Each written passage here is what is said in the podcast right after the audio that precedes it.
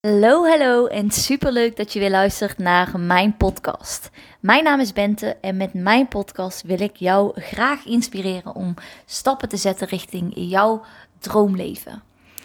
En in de podcast van vandaag wil ik het graag hebben over het zelfbeslissen, vrijheid, bepalen en waarom dat ten alle tijden zo belangrijk is. En hoe ik hierbij kwam is eigenlijk als volgt. Vandaag had ik weer mijn eerste werkdag na twee weken kerstvakantie. En dat is even wennen in de zin van: wow, je gaat van rustig, relaxed naar bam, meteen wel weer aan. En uh, gelukkig zijn we net even wezen wandelen.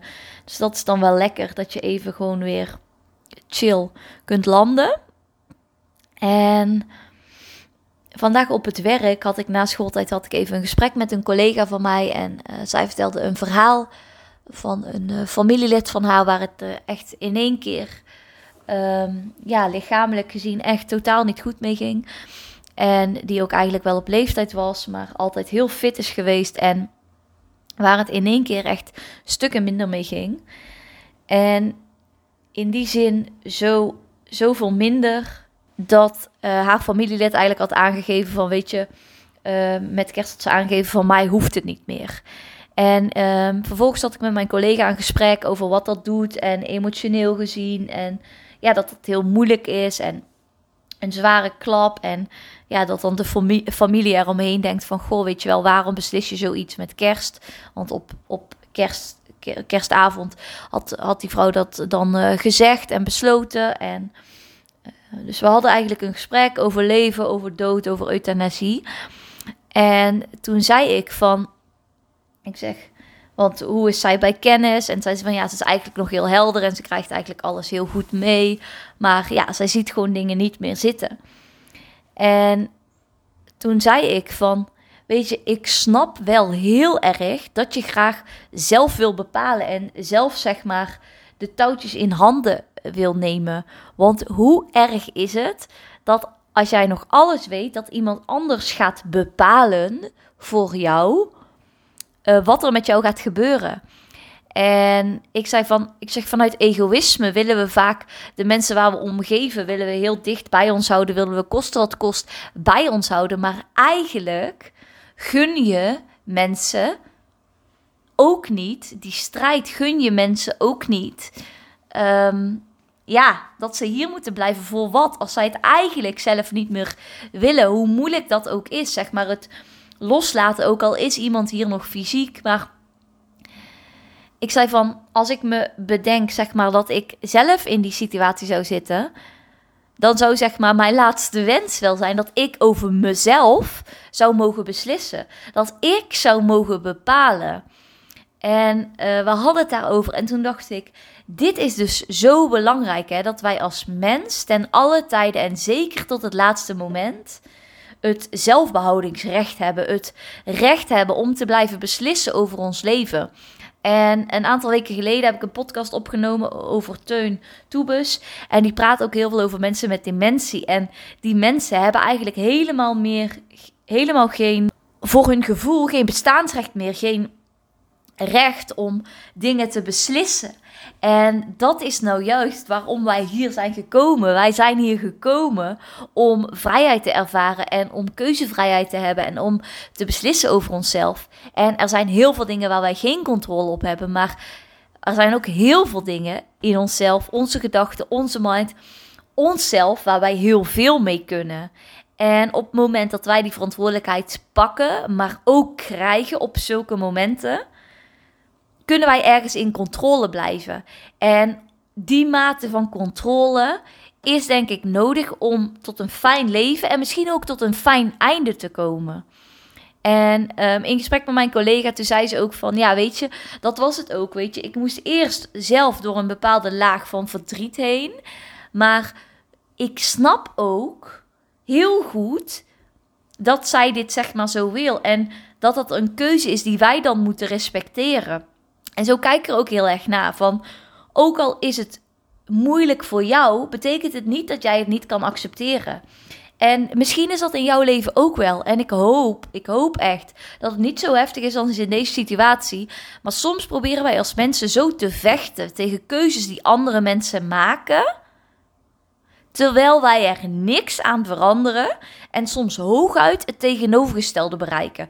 Dus wat bereiken wij dan? Dat iemand zich zo frustreert en juist het tegenovergestelde gaat doen van datgene wat wij zeggen, wat wij adviseren.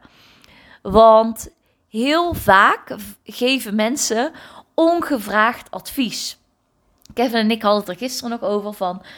Uh, wij zijn dan aan het kijken naar, uh, of eigenlijk nu eigenlijk veel minder, maar um, ons, onze missie, onze, onze ja, zoektocht, in ieder geval onze intentie is nog steeds om het droomhuis te vinden. En uh, dat is bij ons een beetje op de achtergrond. Maar heel veel buitenstaanders zijn er altijd heel erg mee bezig. Dat is een van de eerste dingen die mensen vaak aan ons vragen.